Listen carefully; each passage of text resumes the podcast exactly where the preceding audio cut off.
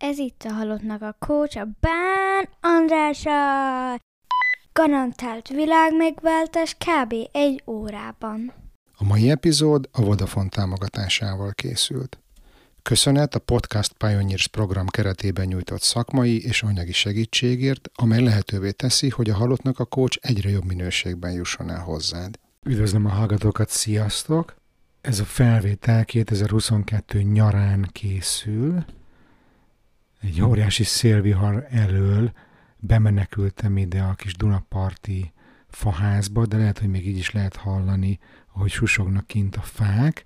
Én azt hiszem, hogy egy ilyen nyári vihar, az pont jó alkalom arra, hogy egy jó könyvről beszéljek, egy jó könyvről meséljek nektek. Ilyenkor tényleg jól esik az embernek csak bekuckózni és olvasni valami érdekeset. Szóval a könyv, amiről ma beszélni fogok, annak az a címe, hogy Munkafüggők, az önkizsákmányolás lélektana, és a szerző nem más, mint dr. Kun Bernadett, habilitált egyetemi docens, az ELTE klinikai pszichológia és addiktológia tanszék vezetője, pszichológus. Hogy miért választottam ezt a könyvet? Hát először is eléggé sok korreláció vagy összefüggés van a munkafüggőség és a kiégés között. Nagyon sokat foglalkozunk itt a halottnak a coachban azzal a társadalmi környezettel, azokkal a munkai kultúrákkal, amelyek olyan üzeneteket nyomnak felénk, olyan, olyan irányba tolnak minket, ami, ami nagyon könnyen a kiégéshez juttat el minket, úgyhogy ez egy nagyon aktuális téma nekünk, illetve a Halottnak a Coach közösség zárt Facebook csoportban is nagy érdeklődést mutattatok e könyv és a témája iránt, úgyhogy én úgy döntöttem, hogy meghívom a szerző, dr. Kun Bernadettet egy beszélgetésre, ami 2022. júliusában meg is történt Budapesten. Hamarosan majd hallhatjátok ezt a beszélgetést a szerzővel, tényleg nagyon jól sikerült, nagyon érdekes volt. De amikor készültem erre a beszélgetésre, akkor nyilván elolvastam a könyvet, és azt gondoltam, hogy ez megér egy külön kis rövid adást, hogy én először bemutassam nektek, hogy mégis miről szól a könyv, hogyan épül föl. Szóval a címe Munkafüggők, az önkizsákmányolás lélektana, és ez a könyv részletesen tudományos igényességgel, nemzetközi és magyar kutatásokra hivatkozva tárgyalja a munkafüggőség témáját, és számos gyakorlati tanácsot ad a probléma kezelésére. A végén két teszt is megtalálható, amivel mindenki megállapíthatja, hogy személyisége hajlamosítja a munkafüggőségre, illetve hogy éppen aktuálisan benne van-e egy munkafüggésben. Miközben olvastam a könyvet, gyakorlott hipohonderként folyamatosan azon paráztam, hogy fú, hát én is biztos, hogy munkafüggő vagyok, de nem lapoztam hátra, főleg, hogy e-könyvbe olvastam. Szóval nem lapoztam hátra, megvártam a végét, és amikor megcsináltam a tesztet, megnyugodtam, hogy nem vagyok munkafüggő, de hogyha ti megveszitek a könyvet, akkor nyugodtan kezdhetitek azzal, ami a, ami a leghátulján van.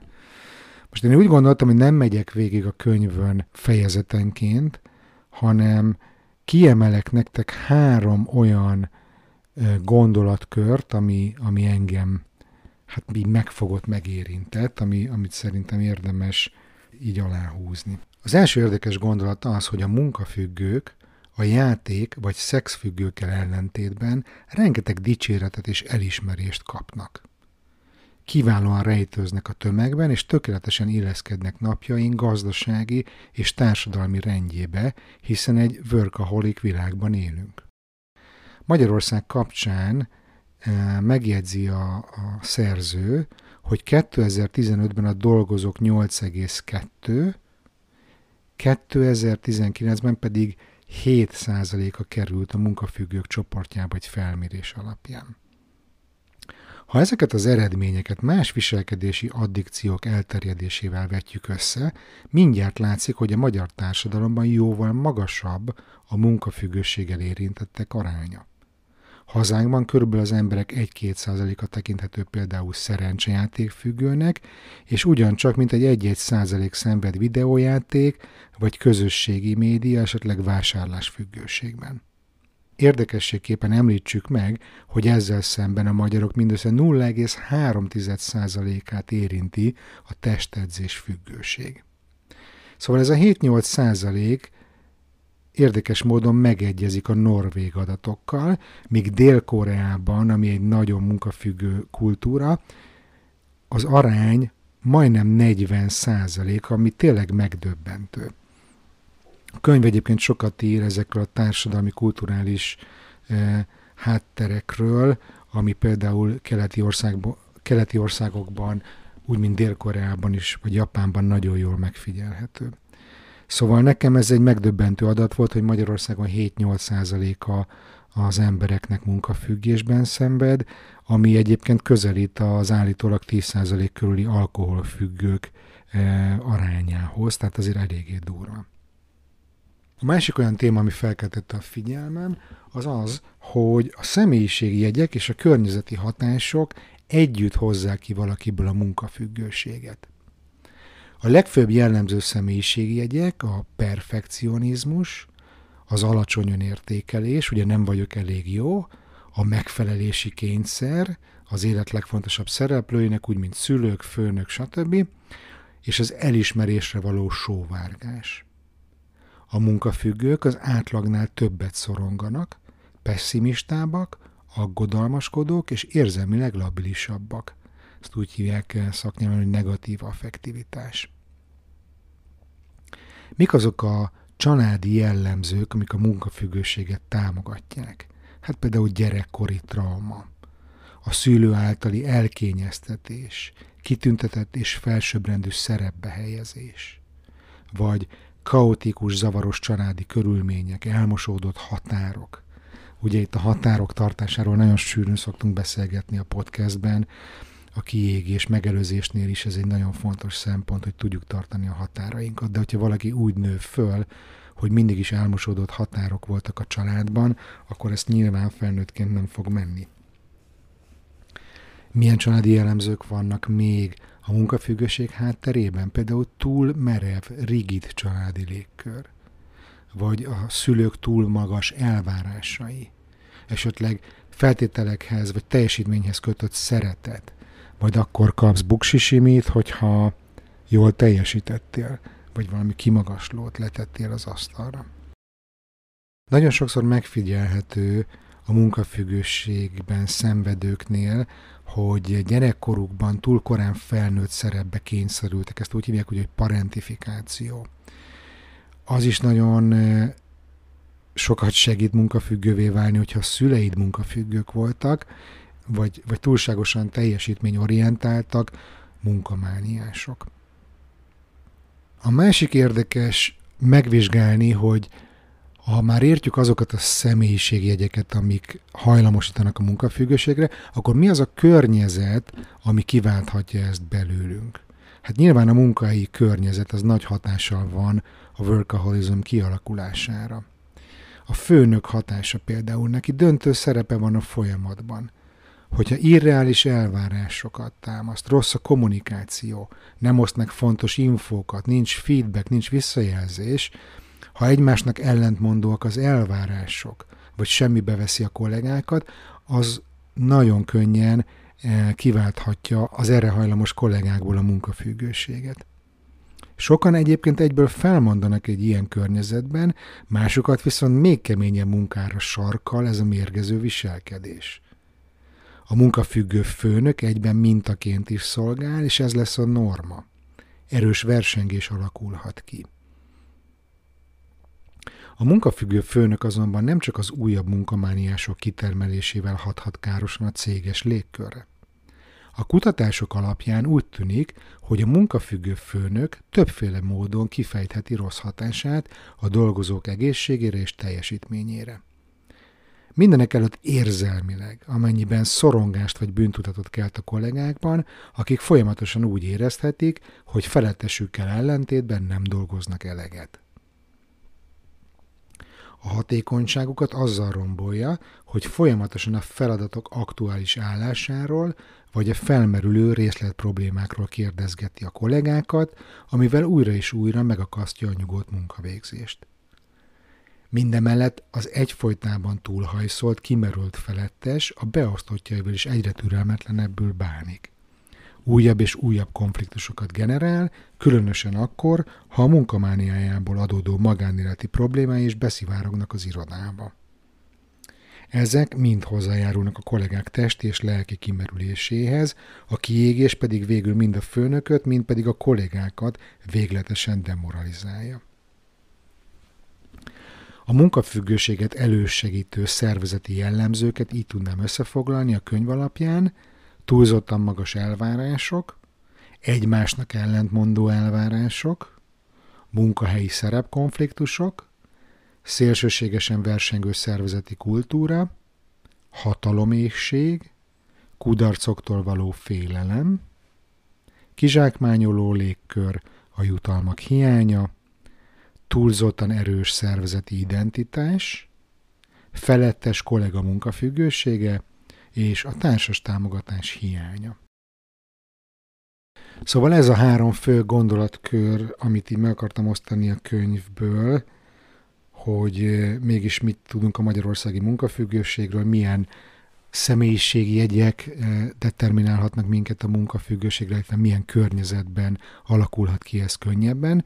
A könyv nyilván próbál eh, megoldásokat is adni, javasolni. Mit tehetünk, ha felismerjük, hogy mi vagy a partnerünk, barátunk, beosztottunk, főnökünk munkafüggő.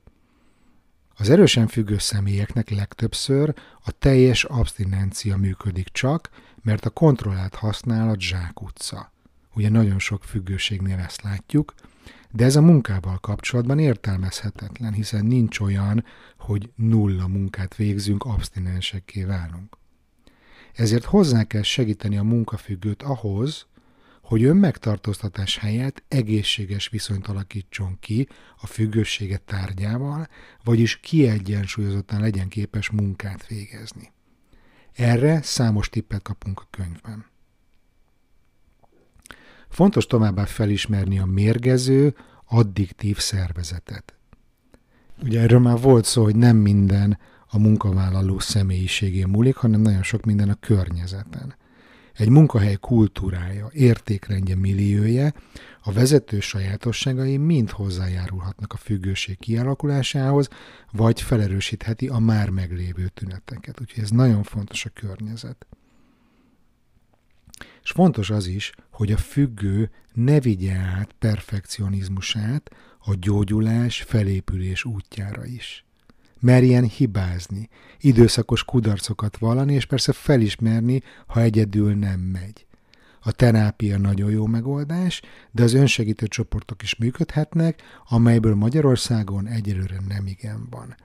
És saját tapasztalatból is kliensen keresztül nem egyszer láttam már ezt, hogy a, a munkafüggő perfekcionista, amikor érzi, hogy kiéget, és érzi azt, hogy pihenésre van szüksége, akkor azt is ugyanolyan elszántsággal, azt is ugyanolyan komolyan, szigorúan akarja csinálni, mint ahogy eddig a munkát csinálta, amitől ebbe az állapotba került, és egyszerűen képtelen ellazulni, képtelen pihenni, töltődni, mert átviszi ugyanezt a tökéletességre való vágyakozást a felépülésbe is, úgyhogy ez egy nagyon nehéz meló, és tényleg jó tippek vannak a könyvben, gyakorlatias tippek, de nagyon sokszor az önismeret és a terápia a legjobb megoldás. Úgyhogy összességében nagyon hasznosnak találtam ezt a könyvet, ajánlom nektek szeretettel, és ahogy ígértem, hamarosan jön a beszélgetés a szerzővel dr. Kuhn Bernadettel, ami nagyon jól sikerült, eléggé mélyre mentünk, sok személyes eh, példát is megosztva, úgyhogy, eh, ahogy angolul mondják, stay tuned and chill out. Köszönöm már a figyelmet, a mi hamarabbi viszonthallásra. Kedves hallgató, köszönöm, hogy még mindig itt vagy, remélem megérte végig maradnod. Ha szeretnél egy szuper társaság részévé válni, akkor csatlakozz az online támogató közösségünkhöz a Facebookon, Keresd a Halottnak a Coach közösség csoportot, és ne felejts el követni az Instagramon a Halottnak a Coach címen. Amennyiben szeretnél velem dolgozni, részt venni egy csoportos coaching programon, vagy egyéni tanácsadáson, meghívni a cégedhez workshopot vagy érzékenyítő beszélgetést tartani, esetleg podcastet készítenél velem, akkor a részletekért látogass el a bánandrás.hu weboldalra. A bánandrás.hu-n feliratkozhatsz a hírlevelemre is, amiben péntekenként bepillanthatsz a kulisszák mögé, és megosztom veled, mi inspirál éppen, mit találok érdekesnek a világban. Iratkozz fel a Halottnak a Coachra Patreonon exkluzív tartalmakért, és támogasd a munkámat havi egy kávé árával. Küldhetsz egyszeri támogatást is a Paypalon vagy Revoluton, részletek az adásnaplóban. Köszönöm már a figyelmed, kérlek iratkozz föl a Halottnak a Coach podcastre azon a lejátszón, ahol éppen most hallgatod, és mesélj a műsorról egy barátodnak. Bán András voltam, a mi hamarabb viszont hallásra.